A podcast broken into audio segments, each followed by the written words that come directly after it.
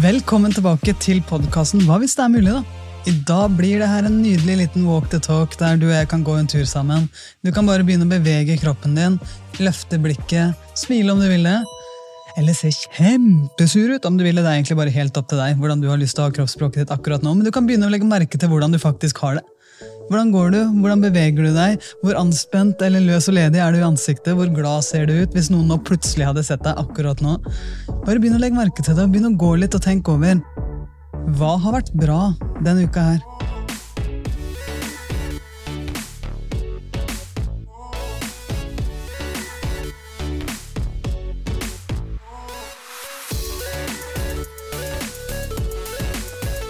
I forrige episode så pratet jeg veldig mye om kraften bak det å gå for det du er interessert i. Det du syns er gøy. Jeg håper du har gjort det denne uka. her. Jeg håper du har testa ut litt ulike interesser og ikke vært så knallhard med deg sjøl og tenkt at nå må jeg finne den ene tingen. Nei, nei, det her er noe du kan leke deg med. Det her er noe som du ikke engang akkurat nå trenger å vite hva er. Bare det å teste ulike ting. En passion kommer jo aldri først. En passion kommer etter at du har starta med nysgjerrigheten og så vært nysgjerrig enda litt til, og så prøvd å gjøre det. Og så kanskje komme inn i flow, og så tenker du at wow, jeg opplever litt mestring her. Og så blir det her sånn til en passion etter hvert. Og derfra da, så er det veldig mange som spør ja, men kan ikke det her bli litt selvsentrert? Kan ikke det her bli litt sånn meg, meg, meg, å, jeg må ta vare på meg selv, det er me-time. Og jeg sier ikke det. At uh, hvis jeg spør deg du, gidder du bare å holde jakka mi fordi at jeg trenger å knyte skoen, så er det ikke sånn at jeg ser for meg at verden hadde vært mye bedre hvis du da sier nei, jeg kan ikke det akkurat nå fordi at jeg har metime, så, så jeg har lært meg det er veldig viktig for meg å sette grenser, for nå skal jeg bli veldig opptatt av hva som bare angår meg. Og det å holde din jakke det inngår ikke i mine punkter over ting som er viktig for meg. Nei, det er ikke det jeg mener. Det jeg mener det er at i det øyeblikket du våger å tappe inn i ditt eget hjerte, så kan det faktisk hende at uh, du fyller dagene dine med noe som gjør at du får den gnisten. Du vet, Av og til så ser du mennesker som bare pow, gnistrer opp. Jeg kom akkurat nå fra et foredrag hvor det kommer noen jenter bort til meg etter foredraget. Det var en ungdomsskole, og så spør hun ene jenta hva er det jeg kan gjøre Anja, hvis jeg mister motivasjonen. Har du hatt den der før? Den, det er akkurat som Folk bare tenker at den er noe jeg kan miste. og så bare, nei men hei sånn, her må jeg løfte litt på ting. Hvor er motivasjonen min? Hvor Er, er den under puta her? Er den under stolen? Nei, det er ikke sånn at du bare mister motivasjonen. Det kan være at du faktisk rett og slett har den inni deg. Det kan godt hende at eh, det viser seg at det er helt riktig for deg å gjøre noe helt annet at det gøye for deg er noe helt annet enn det du trodde før. Sånn var det for meg med håndball. Men mitt store spørsmål da til hennes lagvenninner som sto rundt, det var jo Hva er det dere ser hos henne som er helt spesielt og helt unikt med henne? Og Da var det to ting som kom opp, og de prata i munnen på hverandre. de andre lagvenninnene hennes. Det ene var at du er kjempegod på gjennombrudd. Du er kjempegod Når du er i, i, angrep i håndball, så er du skikkelig god på gjennombruddene dine. Og så er det noen som sa ja, men du du er rå i forsvar, du er en bauta i forsvar. Og så ser jeg på henne og så sier jeg, er det her ting du liker. Ja. Så sier jeg, ja, hva, hva syns du om gjennombruddet? Nei, jeg liker å gjøre det. Ja, Hva syns du om forsvarsspillet? Jeg elsker det! Altså, da så du at Da fikk hun den derre der hun sperret opp sine egne øyne, og alle rundt så det. Og alle rundt skjønte at wow, det her er jo din greie. Så når er det du prata om akkurat det sist? Når er det du fikk anerkjennelse for det sist? Når er det du bidro i akkurat den rollen der på best mulig måte sist? Når er det den tingen der i ditt store håndballspill fikk lov å være din prioritet? Da er vi inne på spørsmålet når er det gøy? For henne så var det helt åpenbart at det gøyeste med håndball, det var forsvarsspillet. Men hvis du hele tiden får andre oppgaver, så blir jo ikke håndball gøy lenger. For da, da blekner jo de tingene som du egentlig syns er motiverende for deg. Og så skjønner jeg at ja, men jeg må jo gjøre begge deler. Ja, men du må også ha med det elementet som gjør at du får den der sparken. da. Og hvis ikke treneren din eller lederen din eller familien din eller kjæresten din syns at det du syns er gøy, er en god idé, nei, nei, men så gjør det på egen hånd, da. For en håndballspiller så kan jo det være å møte opp en halvtime før trening og bare øve på noen dueller. For meg, jeg syns det er veldig gøy å samle på historier, lære noe nytt. Det er ikke alltid at Gro syns det er like fett. Så når jeg sitter på YouTube og Nå skal jeg straks fortelle en historie om hva jeg har gjort på YouTube den, den, denne uka som har gått, men når jeg sitter på YouTube og finner den historien som jeg har funnet fram til den uka her, da, så er det jo ikke sånn at Gro tenker ah, fett, det her har jeg lyst til at du skal ha på maks volum, sånn at alle i huset kan høre det her. Nei! Det kan godt hende at jeg må gjøre det her sånn litt mer når jeg er aleine, eller når jeg sitter på flyet, eller når jeg gjør andre ting. Enn akkurat når jeg er sammen med Gro og hun har lyst til å gjøre noe annet. Og hva er det her for deg? Hvilket rom har du til å gjøre det du syns er gøy? Og hvis ikke du har det ennå, hvordan kan du skape det?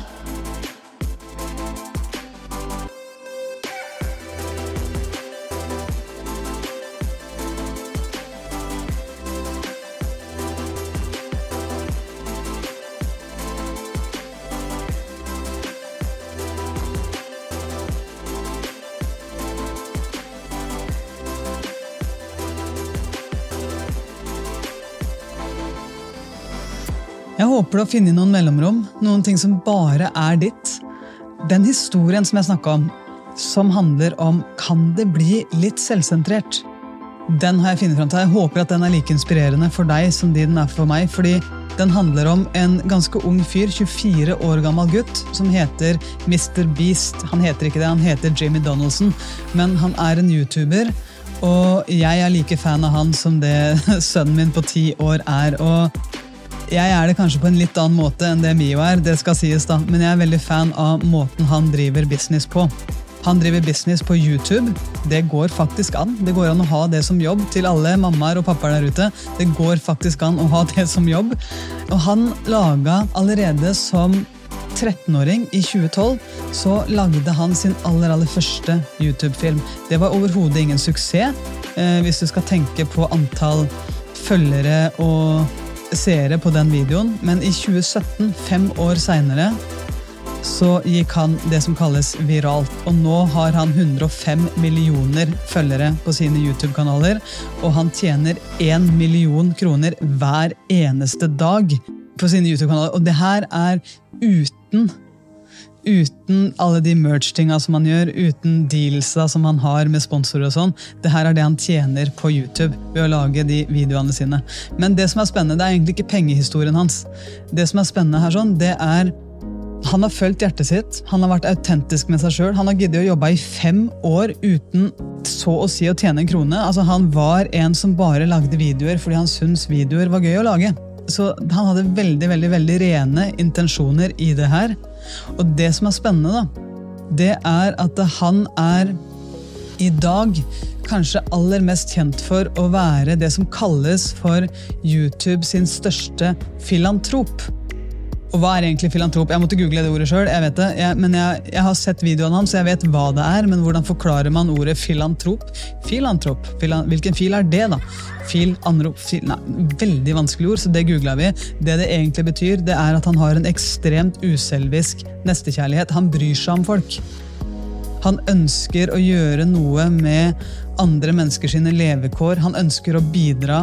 Han ønsker å jobbe for at andre mennesker skal ha det bra, og det skinner så gjennom YouTube-videoene hans. Og vet du hvordan det skinner gjennom? Det skinner gjennom fordi at han i YouTube-videoene sine fysisk gir bort tusenvis og millionervis av kroner. Fordi han tjener jo så mye sjøl. Så han, han, har en video der han har en svær, fet Lamborghini. Og så sier han at ok, det kan komme 30 mennesker hit, bli med på filming. Vi filmer, og så står 30 mennesker og bare holder hånda si på bilen. Det er den eneste oppgaven de får.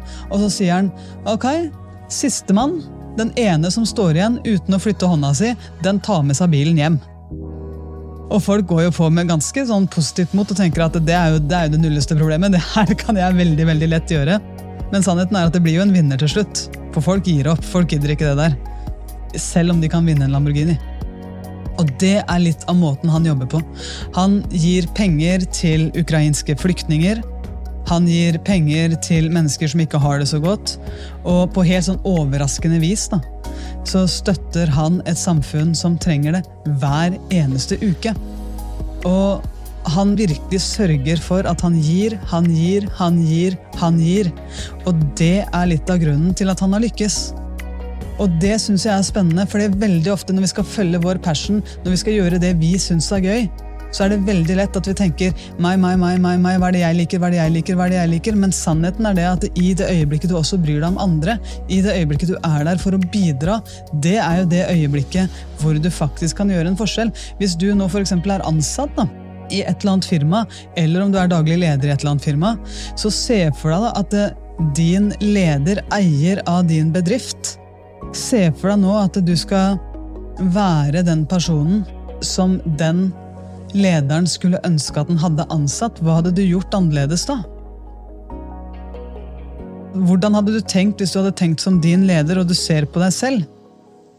Hadde du bare tenkt dine arbeidsoppgaver, hadde du også tenkt hva er det dette mennesket bidrar med inn i vår gruppe, og på hvilken måte? Hva er det det mennesket her som gir oss? Hvis du er ansatt i din egen bedrift, sånn som jeg er, så jeg liker å leke med det tankeeksperimentet der sånn. Hva er det jeg kan gjøre som hvis jeg hadde vært min egen sjef? Hva er det jeg er blitt stolt av å se det mennesket som jeg hadde kalt Anja, gjøre den dagen? Hva er det jeg hadde blitt inspirert av? Av og til er det veldig lurt å tenke som en leder og ta på seg det blikket, bare sånn for å se det med litt nye øyne. da. Hvordan bidrar jeg? Hvordan hjelper jeg andre mennesker, selv om jeg kanskje ikke engang må, men bare fordi jeg vil? Hvordan kan vi bidra? Hvordan kan du bidra? Hva kan du gjøre for de menneskene du har rundt deg, hvis du skal bli en filantrop? Bare se for deg nå at du har en mulighet nå, resten av dagen i dag, til å bare være helt uselfisk. Og med det så mener jeg du og jeg har mest sannsynlig ikke muligheten til å gi bort en million dollar til en mann på gata som vi tenker at det blir du sikkert glad for. Det er ikke sikkert. Kanskje har du det, kanskje har du ikke det. Jeg har ikke det. Jeg har ikke muligheten til å gi bort det til en mann på gata bare fordi jeg tenker at det kunne gjort deg glad akkurat nå, og det kunne gjort en kul video. Nei, jeg hadde faktisk ikke hatt det. Men det jeg kan, det jeg vet at jeg kan, og det du og jeg kan gjøre her vi går nå, da, det er jo å gi bort et lite smil vi kan gi bort en liten like på sosiale medier hvis du er der. Du kan gi bort en liten kommentar. Du kan løfte andre mennesker. Du kan virkelig ta dem på fersken i å utgjøre en positiv forskjell. Du kan fortelle de gode, inspirerende historiene videre. Du kan dele, du kan dele, du kan dele. Og du kan bli inspirert, og du kan fortelle andre om hvorfor du blei inspirert. Mest sannsynlig, når du nå tenkte tilbake på din uke helt, helt, helt i starten av gåturen vår, så kom du på noen øyeblikk i ditt liv den uka som har vært nå, hvor du blei inspirert. Og mest sannsynlig, eller som du kjente at du blei glad for, eller stolt av, eller takknemlig for, og mest sannsynlig da, så involverte ett eller flere av de øyeblikkene der som andre mennesker. Og hvordan kan du tenke litt som Mr. Beast der, da? Det som er sannheten, det er at Mr. Beast han spilte baseball. han. Hans plan A det var å bli proff. Han hadde store store, store drømmer innen baseball. Og så blei den drømmen knust. Fordi han blei syk. Han fikk en magesykdom, så han kunne ikke gjøre det. Og han blei tynnere og han blei tynnere og han blei tynnere. Han, ble, han fikk masse kviser i ansiktet. Og han følte seg bare rett og slett ikke bra. Så tenker han hva er det jeg syns er interessant, hva er det jeg syns er gøy? Og så begynner han å lage videoer så lager han videoer i fem år. Fordi han syns det er gøy. Det er gøy. Og akkurat i dag så har alle lyst til å være Mr. Beast. Av de unge, unge som vokser opp i dag. Ja, jeg har, lyst til, jeg har lyst til å bli som Mr. Beast. Ja. I dag holdt jeg foredrag for 13-åringer. Så hvis du har lyst til å bli som Mr. Beast, så kan du faktisk begynne nå, for han begynte når han var 13. Han, han begynte i 2012 når han var 13. Og hvis du holder på med de videoene dine i fem år I fem år så kanskje. Er du fortsatt gira på å være som Mr. Beast? Har du fortsatt den mentale utholdenheten? Og så er det den greia som jeg snakka om sist, det å gjøre det på din måte. Og Mr. Beast gjør det jo definitivt på sin måte. Han finner sin måte å gjøre det her på. Han finner sin måte å bidra på. Han har så mye nå at han like gjerne kan gi videre. Men det du og jeg har inni oss, da, det er såpass mye kjærlighet, det er såpass mye glede å gi, at vi kan like gjerne gi det videre. Og vet du hva? Det er også en helt vilt fin verdi. Det har en høy verdi for mennesker. helt sikkert like mye for noen, og det vet jeg, for det har jeg fått høre. Det for noen mennesker å bare motta et smil, det kan være så mye viktigere enn å få en Lamborghini. Og jeg håper den setningen er noe du kan huske. Det for noen mennesker å motta et lite smil fra deg, det kan faktisk være mye viktigere enn å få en Lamborghini. Og den håper jeg at vi kan ta med oss, for vi har et enormt potensial til å løfte hverandre. Vi har et enormt potensial til virkelig å kunne glede hverandre. Og hva hvis det er mulig, da? At du bare ved å bruke din lekenhet, ved å gjøre det her på din måte, faktisk kan påvirke andre menneskers liv i en enormt positiv retning. Og det er det jeg har lyst til å stille deg spørsmål om i dag. Hvordan kan du leke med filantropologi? Heter sikkert ikke det engang. Hvordan kan du være den beste filantropen du kan være? Hvordan kan du være det mennesket som virkelig, hvis du kan leke med det her, da, gir glede til andre mennesker? Du kan gjøre det med nysgjerrighet. Du kan gjøre det med masse, masse glede og masse, masse kreativitet.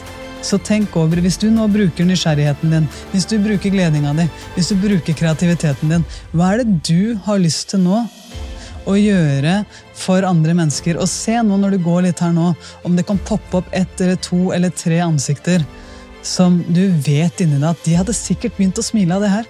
De hadde kanskje begynt å le litt av det her. Kanskje hadde de fått en god følelse på innsida hvis jeg hadde gjort det. Se om du virkelig kan gå inn i ditt liv, de menneskene du har rundt deg, og tenk hva er det jeg kan glede de med, hvis jeg virkelig vil?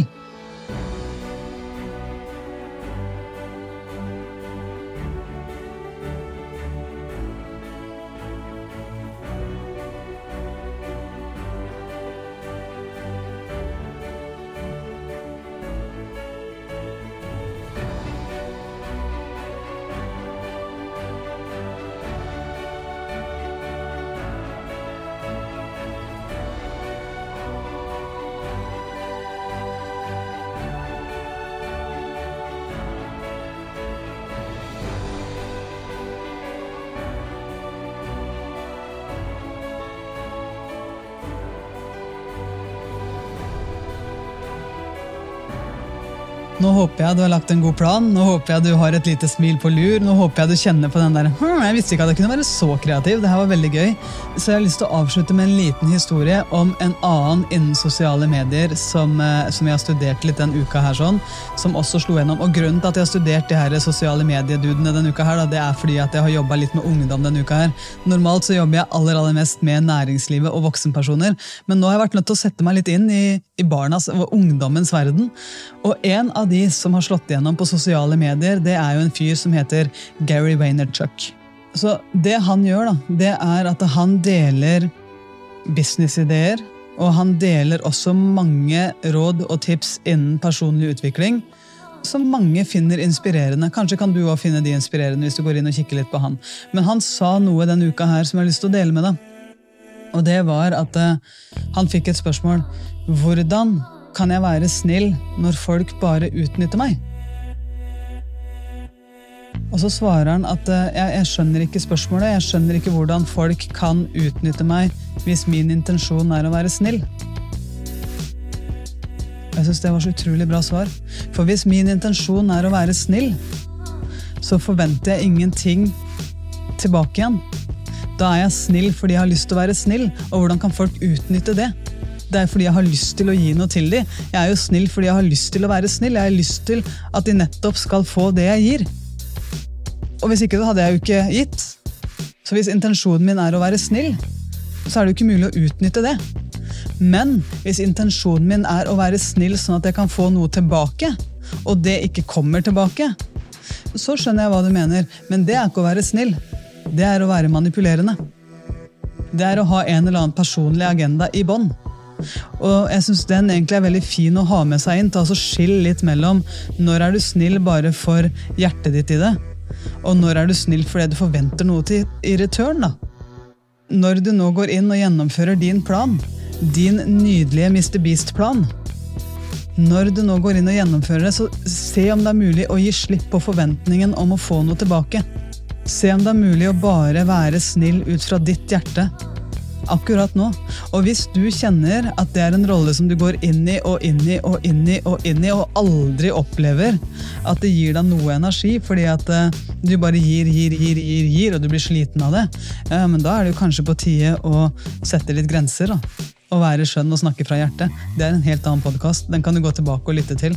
Men i det øyeblikket du gjør ting med rene intensjoner fordi du har lyst til å være snill, så syns jeg faktisk at det er et eller annet i det quotet til Gary Vaynerchuk som festa seg litt hos meg. Kanskje kan det være det for deg òg.